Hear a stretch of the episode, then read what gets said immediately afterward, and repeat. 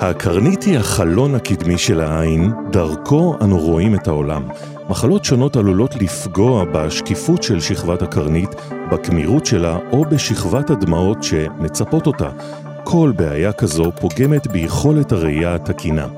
מהן מחלות הקרנית השכיחות שאתם עשויים לפגוש אצל המטופלים שלכם במחלקה ובמרפאה? איך מתבצע האבחון? מתי מדובר בדגל אדום שמחייב התייחסות דחופה? ומה הטיפולים החדישים למחלות הקרנית? אתם מאזינים לפודקאסט רפואת העיניים של הרי.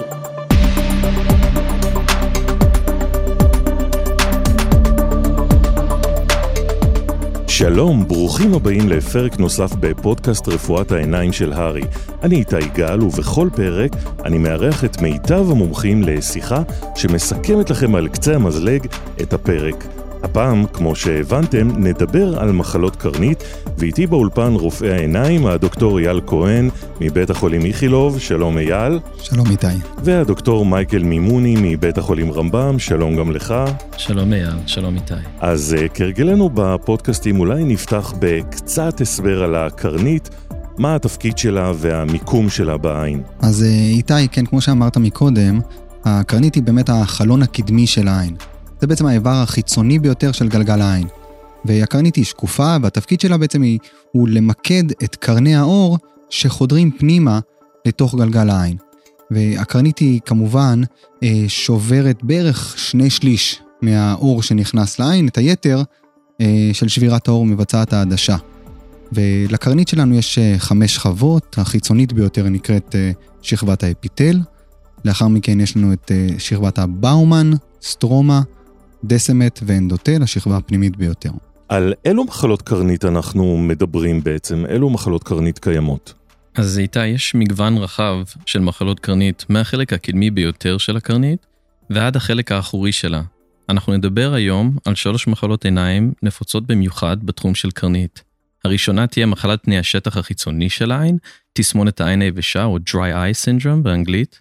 המחלה השנייה הנפוצה עליה נדבר היום היא זיהום בקרנית מיתולוגיות שונות, והמחלה השלישית הנפוצה שנדבר עליה היום היא מחלת הקרטוקונוס. אז רגע לפני שנפתח במחלה הראשונה, העין היבשה, תגידו חבר'ה, עד כמה מחלות קרנית אה, נפוצות? כי זה לא משהו שלפחות אה, בקהילה, בחדרי המיון, שומעים הרבה. עד כמה זה נפוץ בארץ או בעולם? מחלות קרנית הם דבר נפוץ, כאשר תלוי באיזה סוג של מחלה אנחנו מדברים. לדוגמה, מייקל הזכיר קודם dry eye syndrome, שזה בעצם אחד התלונות הנפוצות ביותר של מטופלים שמגיעים לרופא עיניים. אנחנו מדברים על כ-20% מהביקורים אצל רופא עיניים קשורים ל-dry eye syndrome, ואת זה אנחנו רואים המון. בניגוד, קרטוקונוס זוהי מחלה מאוד חשובה, נמצאת מאבני היסוד של הבנת הקרנית, אבל מדובר במחלה יחסית נדירה. אז אה, בואו נתחיל עם אה, תסמונת העין היבשה שהתחלתם להזכיר אותה. מה זו בעצם התסמונת הזאת ומה התסמינים שלה? עין יבשה, כשמה כן היא. העין מתייבשת ולרוב זה מלווה באודם עיני, תחושת גוף זר בעין, תחושת כבדות, קושי במצמוץ, זה יכול להגיע עם גרד, עם צריבה, עם שריפה. כל אלו הם סימנים מאוד שכיחים, כאשר סימן למחלה יותר מתקדמת, זה אפילו יכול להגיע לטשטוש בראייה.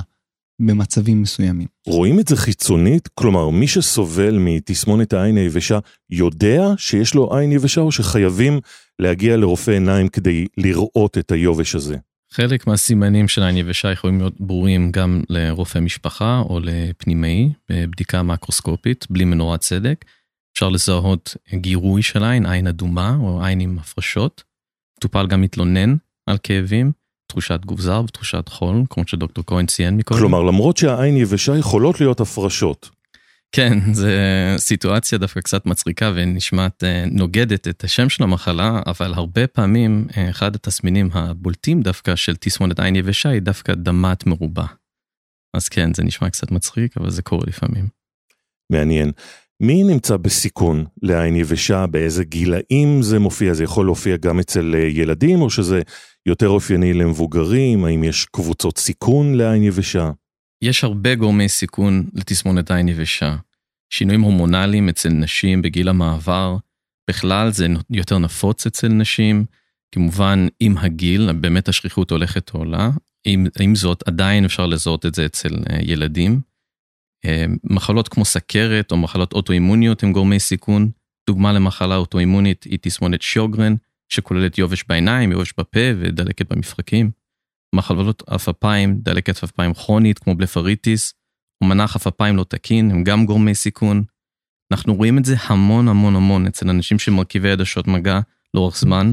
זה גורם ליובש בעיניים, בפרט אם הם לא מקפידים על היגיינה, היגיינה נכונה של שימוש בעדשות מגע. כלומר, זה נגרם מעדשות המגע, או שזה משהו שקורה לפני תחילת השימוש בעדשות המגע? מה גרם למה, העדשות או המחלה עצמה שעלולה לפרוץ anyway? אז זאת שאלה מצוינת איתי. אמ, לרוב העדשות מגע כשעצמן יכולים להחמיר או אף לגרום לעין יבשה אצל אנשים שלא סבלו קודם לכן מעין יבשה, במיוחד אם מרכיבים אותם המון שעות ביום ולאורך תקופה ארוכה. למה זה שואב את הנוזלים בעין? יש פגיעה במעבר של החמצן אה, לשכבות החיצוניות של הקרנית, ואנחנו גם יודעים שלאורך זמן שימוש בעדשות מגע ברמה יומיומית ולאורך כל שעות היממה יכול לגרום למשהו שנקרא לימבוס סטם סל דפישנסי ופגיעה בתאי גזע של הלימבוס. אה, כמובן שאם מקפידים לאחר מכן דווקא לקחת מנוחה מעדשות מגע זה יכול להיות הפיך, אבל אם לא עושים זאת זה יכול ממש לגרום לנזק בלתי הפיך בסופו של דבר. אם אני זוכר נכון מהטקסטבוק, יש גם אה, תרופות שיכולות אה, לגרום ליובש הזה? אז אתה צודק במיליון אחוז, שימוש בתרופות לטיפול באלרגיה, בדיכאון, בלחץ דם גבוה ובפרקינסון יכולים בהחלט להוביל ליובש בעיניים. אנחנו גם רואים, במיוחד בתקופת הקורונה, שעבודה ממושכת מול מחשב או קריאה ממושכת, הם אה, גורמים לנו למצמץ פחות, ואם אנחנו ממצמצים פחות, אז הווישרים של העין עובדים קצת פחות, וזה מחמיר את היובש בעיניים. כלומר, מצמוץ אה, מופחת אה, מפחית גם את פיזור הדמעות, הדמעות מאוד מאוד חשובות לראייה, נכון? בדיוק, בדיוק. בן אדם ממוצע ממצמץ בערך כל 5 עד 15 אה, שניות, עכשיו שאמרתי לך את זה, אתה... כל 15 שניות, כן. וואו. עכשיו שאתה מודע לזה, אתה תמצמץ אפילו יותר, וכשאתה מול אה, מסך או קורא, אז אתה ממצמץ הרבה פחות. אז אה, מה אתה ממליץ בהיבט הזה למי שעובד הרבה שעות מול מחשב, פשוט להתרגל למצמץ יותר? אז לקחת הפסקות יזומות, לעצור ולא לנצל את ההפסקות האלה כדי להסתכל בפלאפון, כי גם הפלאפון הזה זה מסך. מעניין. אז אה, בואו אה, נעבור לאבחון, איך אתם מאבחנים יובש בעיניים? קודם כל, חשוב לנו לבדוק האם בלוטות הדמעות מפרישות מספיק דמעות. אה, ואת זה אפשר לעשות בעזרת בדיקה פשוטה, שנקראת בדיקת שירמר, שבה אנחנו מודדים במשך חמש דקות כמה ההפרשה של הדמעות קורית, ואנחנו פשוט עושים את זה בעזרת סולם, ואנחנו יודעים להעריך את כמות ההפרשה, והאם ההפרשה היא תקינה או לא תקינה. זו הבדיקה הראשונה, שהיא בדיקה מאוד מאוד פשוטה. בדיקה נוספת שקשורה לעין יבשה, זה לבדוק את האוסמולריות. האוסמולריות, או רמת המלחים של הדמעות, אנחנו יודעים שככל שרמת המלחים גבוהה יותר, או שיש הפרש גדול בין עין אחת לעין השנייה, זה מעיד לנו על עין יבשה, על משהו שהוא פתולוגי. האוסמולריות לא צריכה לעלות מעבר לרף מסוים. כשהאוסמולריות עולה, משמעות שיש יובש, יש תהליך גם דלקתי שמשתתף. ולהדמעות יש גם אה, מרכיב שומני, נכון? נכון מאוד. אחד הדברים החשובים, שאחרי שבדקנו את שני הדברים האלו, אנחנו נפנה לראות האם המרכיב השומני של הדמעות קיים, האם הוא מפוזר או מתפזר בצורה תקינה על גבי העין, והאם הוא לוקד, הוא מצליח ללכוד את השכבה המימית של הדמעות בכדי למנוע את היובש שנוצר. אז את זה אנחנו בעצם עושים גם כן בעזרת, אה, יש היום מכשירים אוטומטיים שיודעים ממש למדוד את עובי השכבה הליפידית, כמה ליפידים יש אה, אה, שמצפים את גלגל העין, ואנחנו יכולים לראות את קצב, למדוד את קצב ההיעלמות של הדמעות. והמכשור הזה נמצא אצל כל רופא עיניים, או שצריך להפנות אותו ליחידה מיוחדת? המכשור הזה לצערנו עדיין לא נמצא אצל כל רופא עיניים, זה מכשור שנמצא רק במוסדות מסוימים, שיש להם ממש מרפאה ייעודית לעין יבשה, יש בבתי חולים ציבוריים מעט, והרוב זה מרפאות פרטיות. הבדיקה האחרונה שאנחנו משתמשים בה אה, היא בדיקה של צביעות. אנחנו משתמשים לרוב בשני סוגים של צבעים, יש לנו את ה fluorescein ויש לנו את ה lissamine green. בדרך כלל אלו הצבעים העיקריים שאנחנו משתמשים כדי לראות פגמים בפני השטח של אה, העין.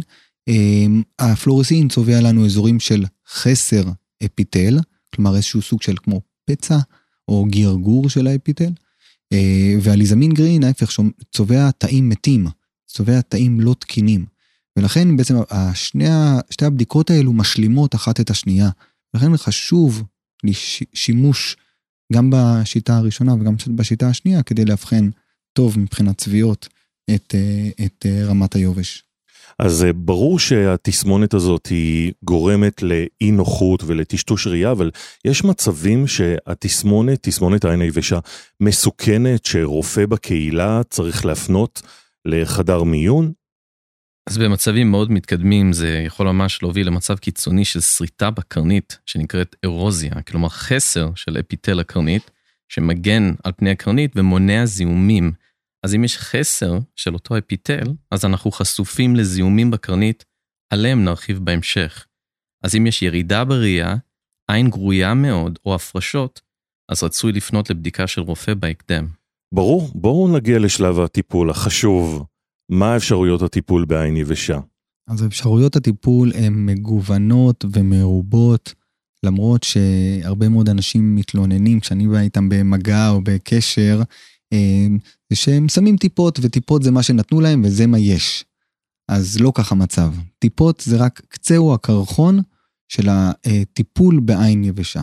אגב, אה, הזכרת טיפות, וכשאתה הולך אה, לרשתות הפארם, אתה רואה מגוון עצום של טיפות שנקראות תחליפי דמעות, יש איזה משהו שאתם, רופאי העיניים, מעדיפים? בוודאי. הטיפות המועדפות הן תמיד טיפות שלא מכילות חומר משמר.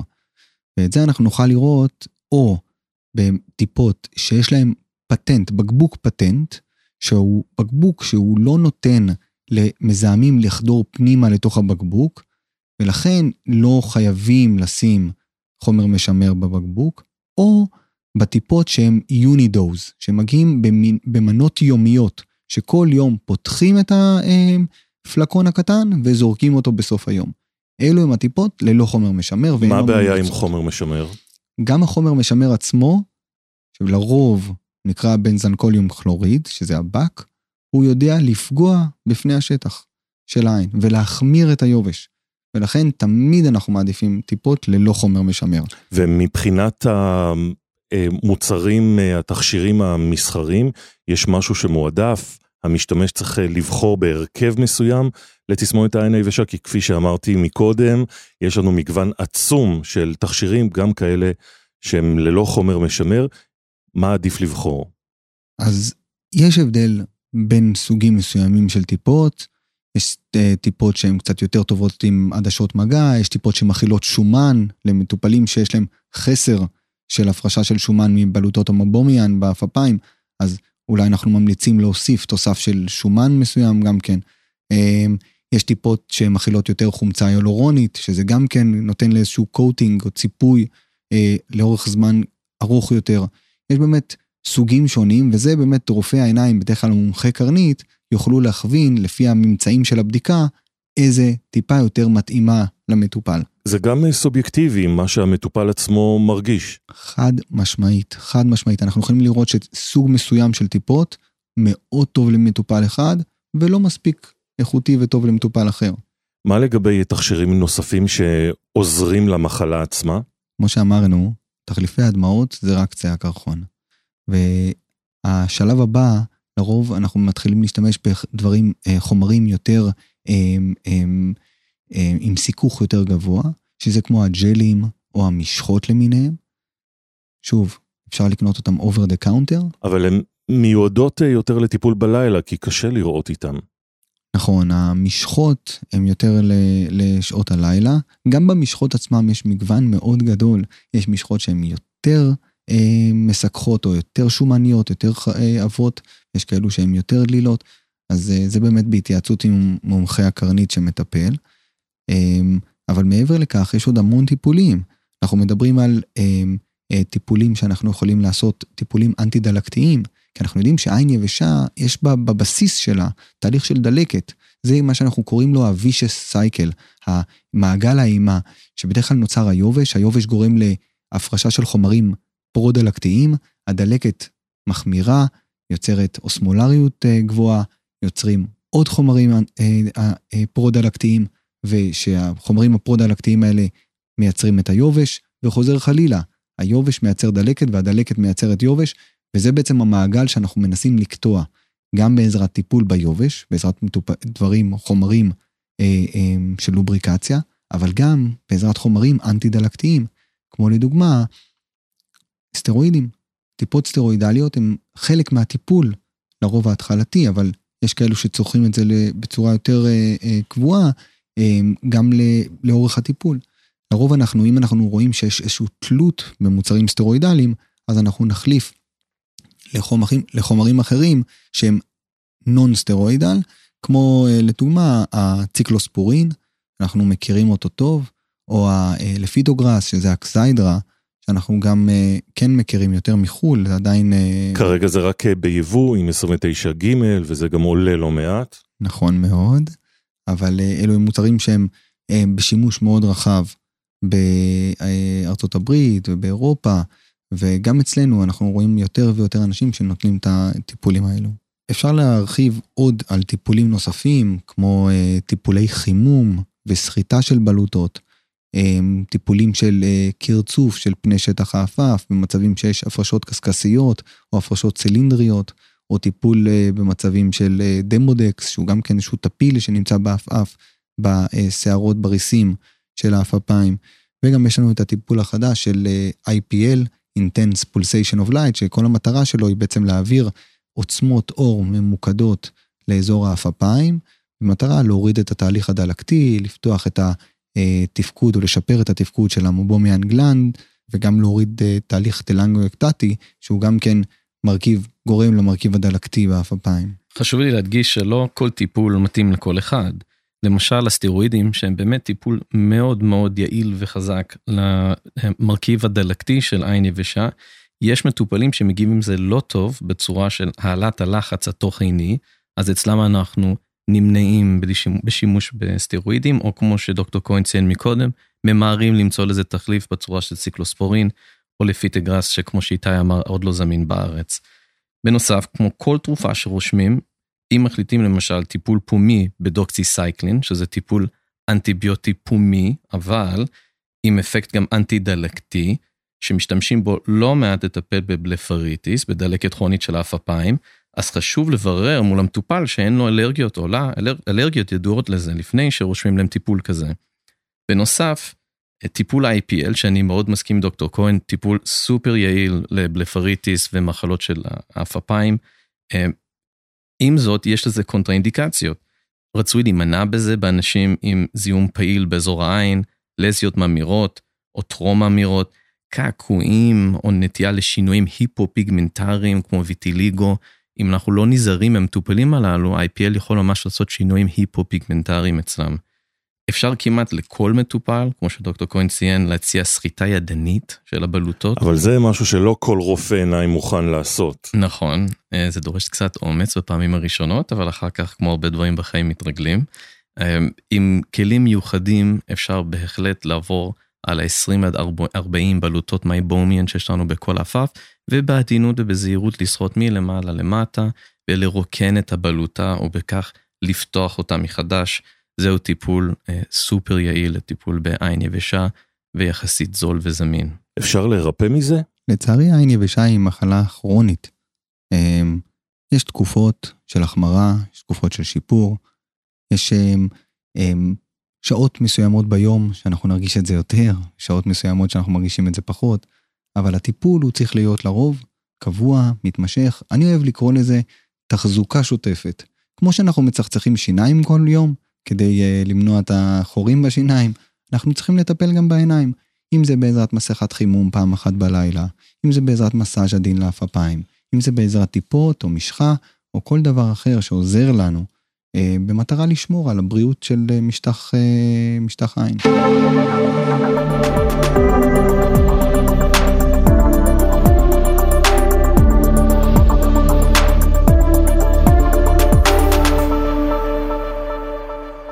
בואו נדבר אה, על אה, בעיה נוספת שהזכרתם אותה, זיהומים בקרנית. מה הסימפטומים לאדם שסובל מזיהום בקרנית? אז הסימפטומים של זיהומים בקרנית בעצם תלויים במצב הבסיסי של הקרנית והאטיולוגיה של הזיהום. תופעות נפוצות כוללים כאבים בעין, ירידה בראייה, אודם, הפרשות, המון דמעות, רגישות לאור או פוטופוביה בשפה הרפואית. במקרים מתקדמים, בקרנית כבר יכול להופיע ממש כתם עכור לבנוון עפרפר כזה, שאפשר לזהות גם בלי מנורת צדק. ובכלל, במקרה של כתמים בשדה הראייה, תמיד מומלץ להפנות לרופא עיניים, נכון? זה, זה דגל אדום. חד משמעי, חד משמעי. כל רופא עיניים ידע כבר לנתב לאחר מכן לתת מקצוע הנכון על מנת אה, לאבחן ולטפל בזה. אז אם יש איזושהי הפרעה ראייה או נקודות ראייה, אה, בהחלט הצעד הנכון הוא לפנות לבדיקה של רופא עיניים. אה, ובחזרה לזיהומים בקרנית, אז במקרים מתקדמים ממש של, של הזיהום, כמו שציינו מקודם, יכול להופיע נקודה לבנה, עפרפרה, וזה יכול להיות מלווה בהתקייבות של האפיטל, שזה השכבה החיצונית של הקרנית, אבל עם זאת, יש מחלות כמו אה, זיהום בקרנית על רקע הרפז, אותה הרפז שעושה לנו את הפצעים בשפתיים, זה גם יכול להתבטא בעיניים, ודווקא בהרפז, התחושה של הקרנית היא ירודה יותר, ולכן המטופל עלול כלל לא להרגיש כאב. בנוסף, יש מזהמים כמו פטריות או טפילים, שמה שמאפיין אותם זה דווקא התקדמות איטית יותר של המחלה, קצת יותר אינדולנטי, והם לרוב לא מתייצגים עם תמונה מאוד סוערת, אם כי בסופו של דבר דווקא הם יכולים לגרום לנזק בלתי הפיך והרסני. יש גורמי סיכון לזיהומים בקרנית? בוודאי, בגדול זיהום בקרנית נוצר כאשר נוצרת בעצם פגיעה בשלמות השכבה החיצונית ביותר של הקרנית, זה השכבת האפיטל.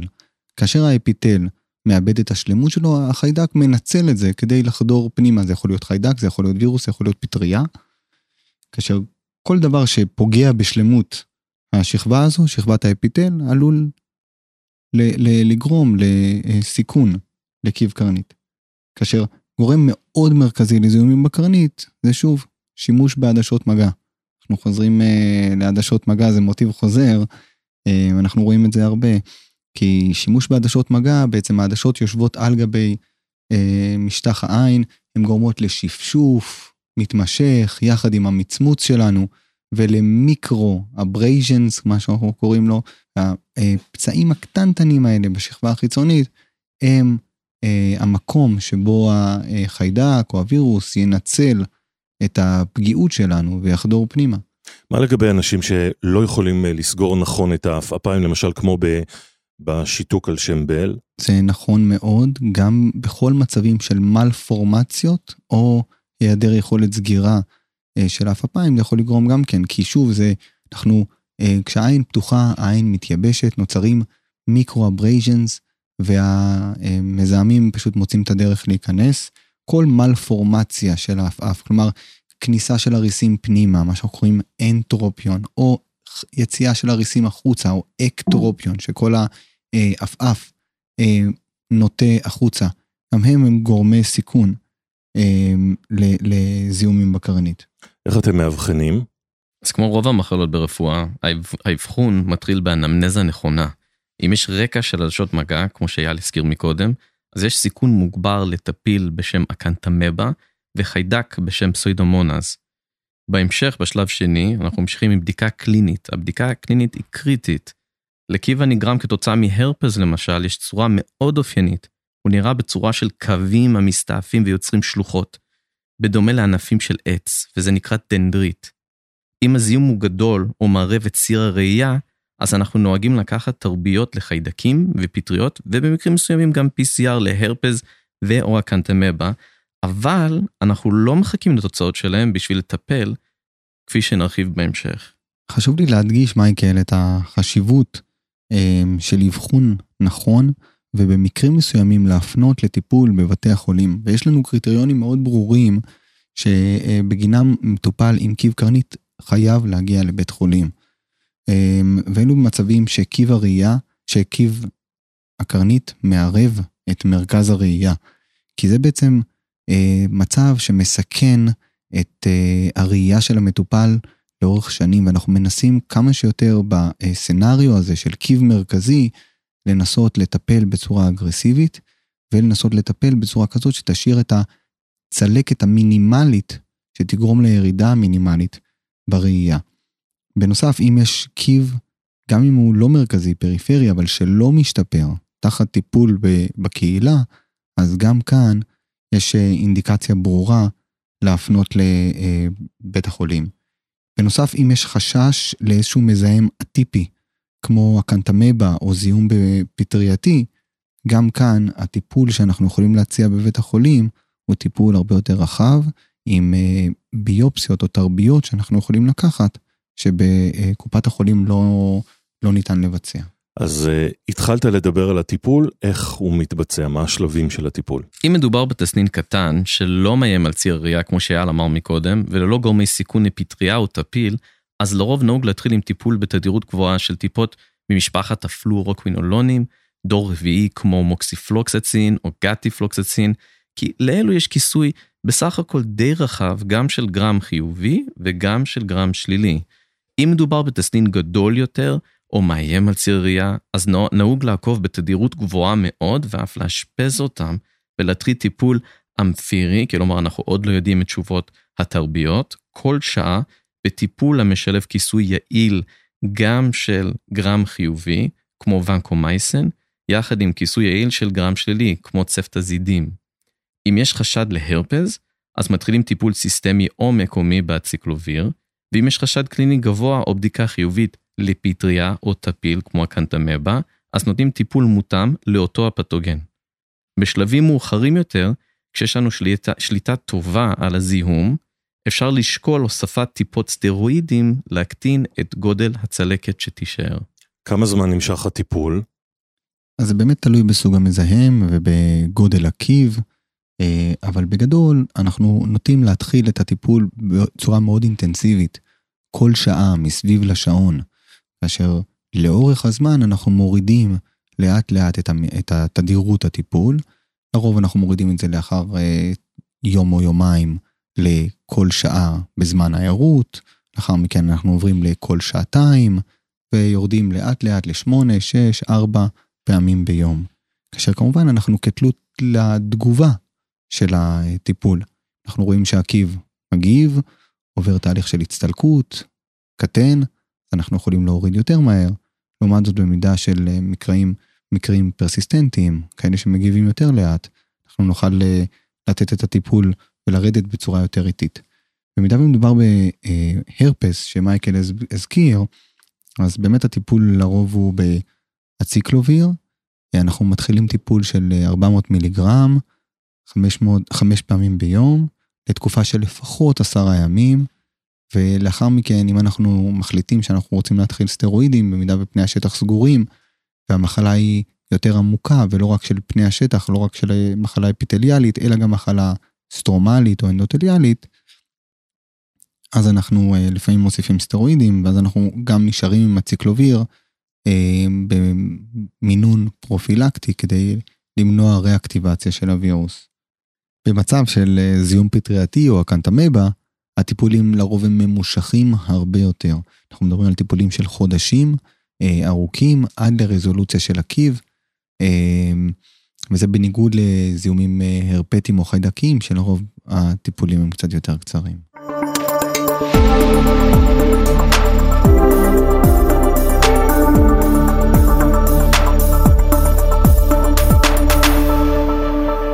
נסיים את הפרק הזה באחד מנושאי הליבה של הקרנית, קרטוקונוס. מה זה בעצם?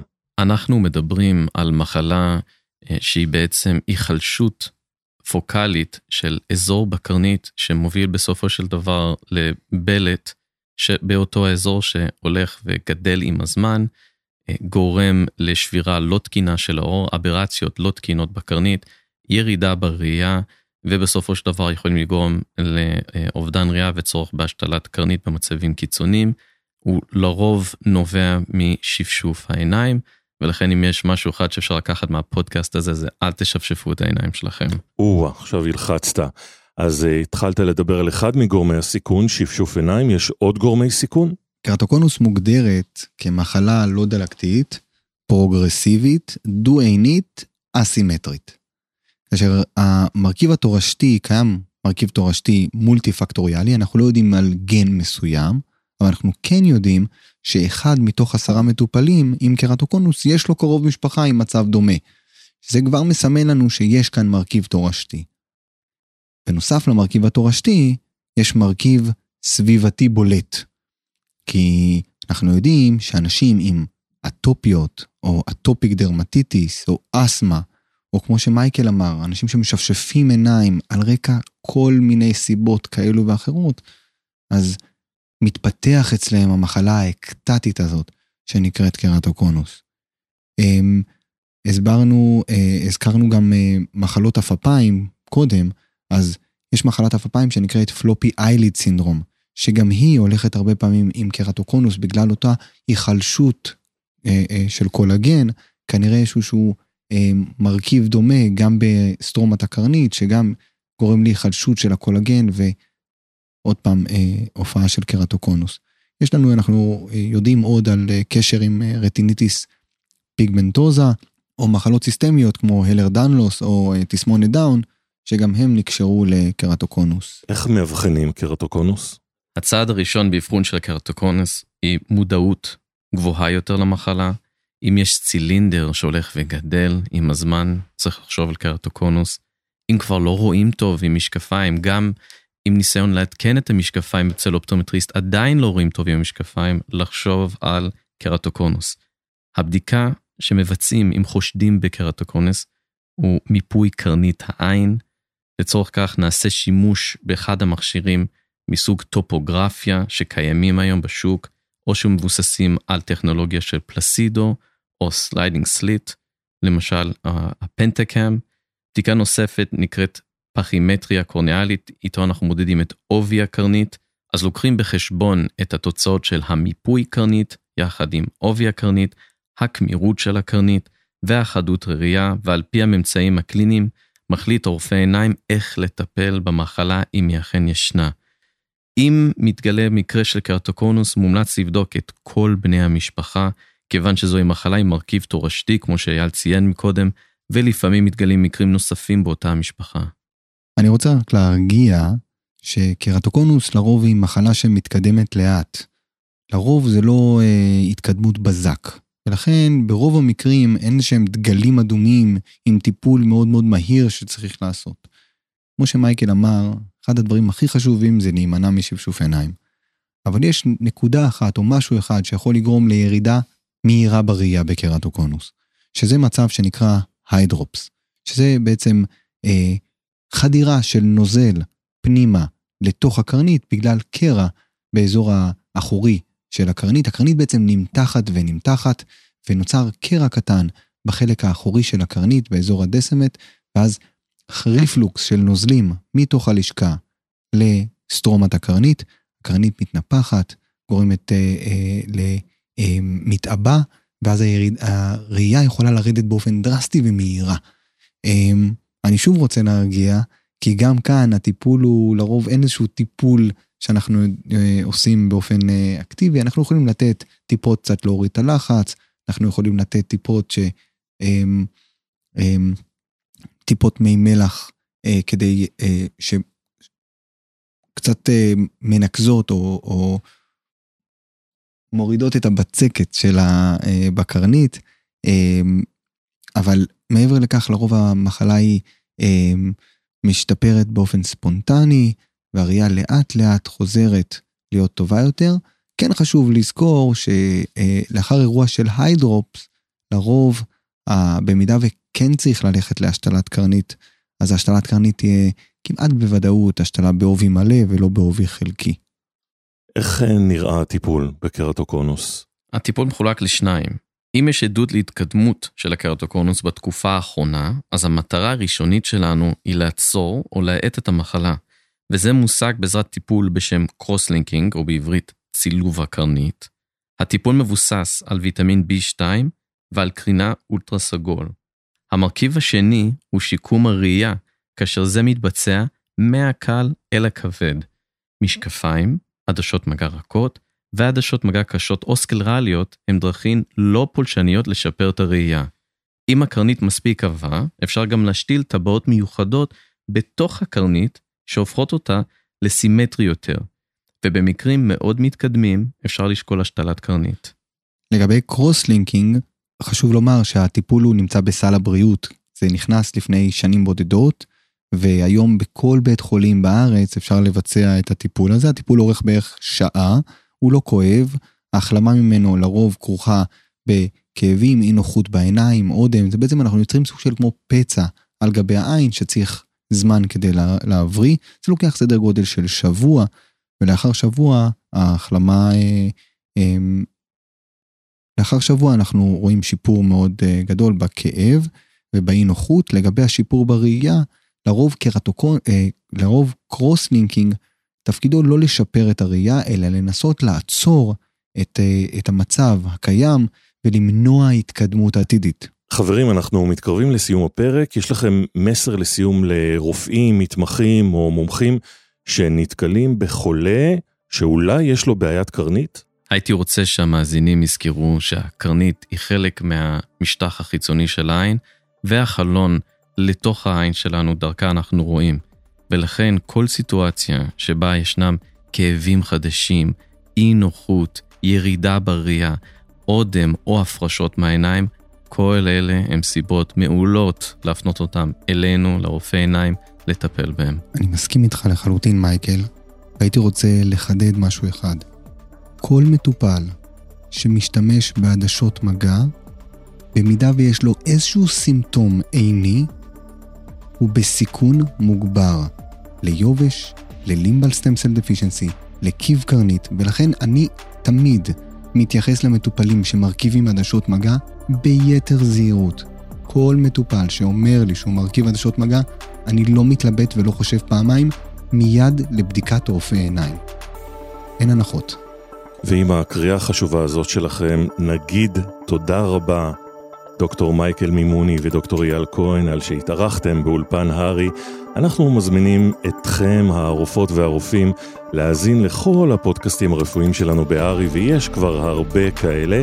אתם מוזמנים גם לעקוב אחרי כל העדכונים של הארי ברשתות החברתיות, פייסבוק, אינסטגרם וטוויטר. אנחנו מקווים שהיה לכם מעניין, ונתראה בפרק הבא.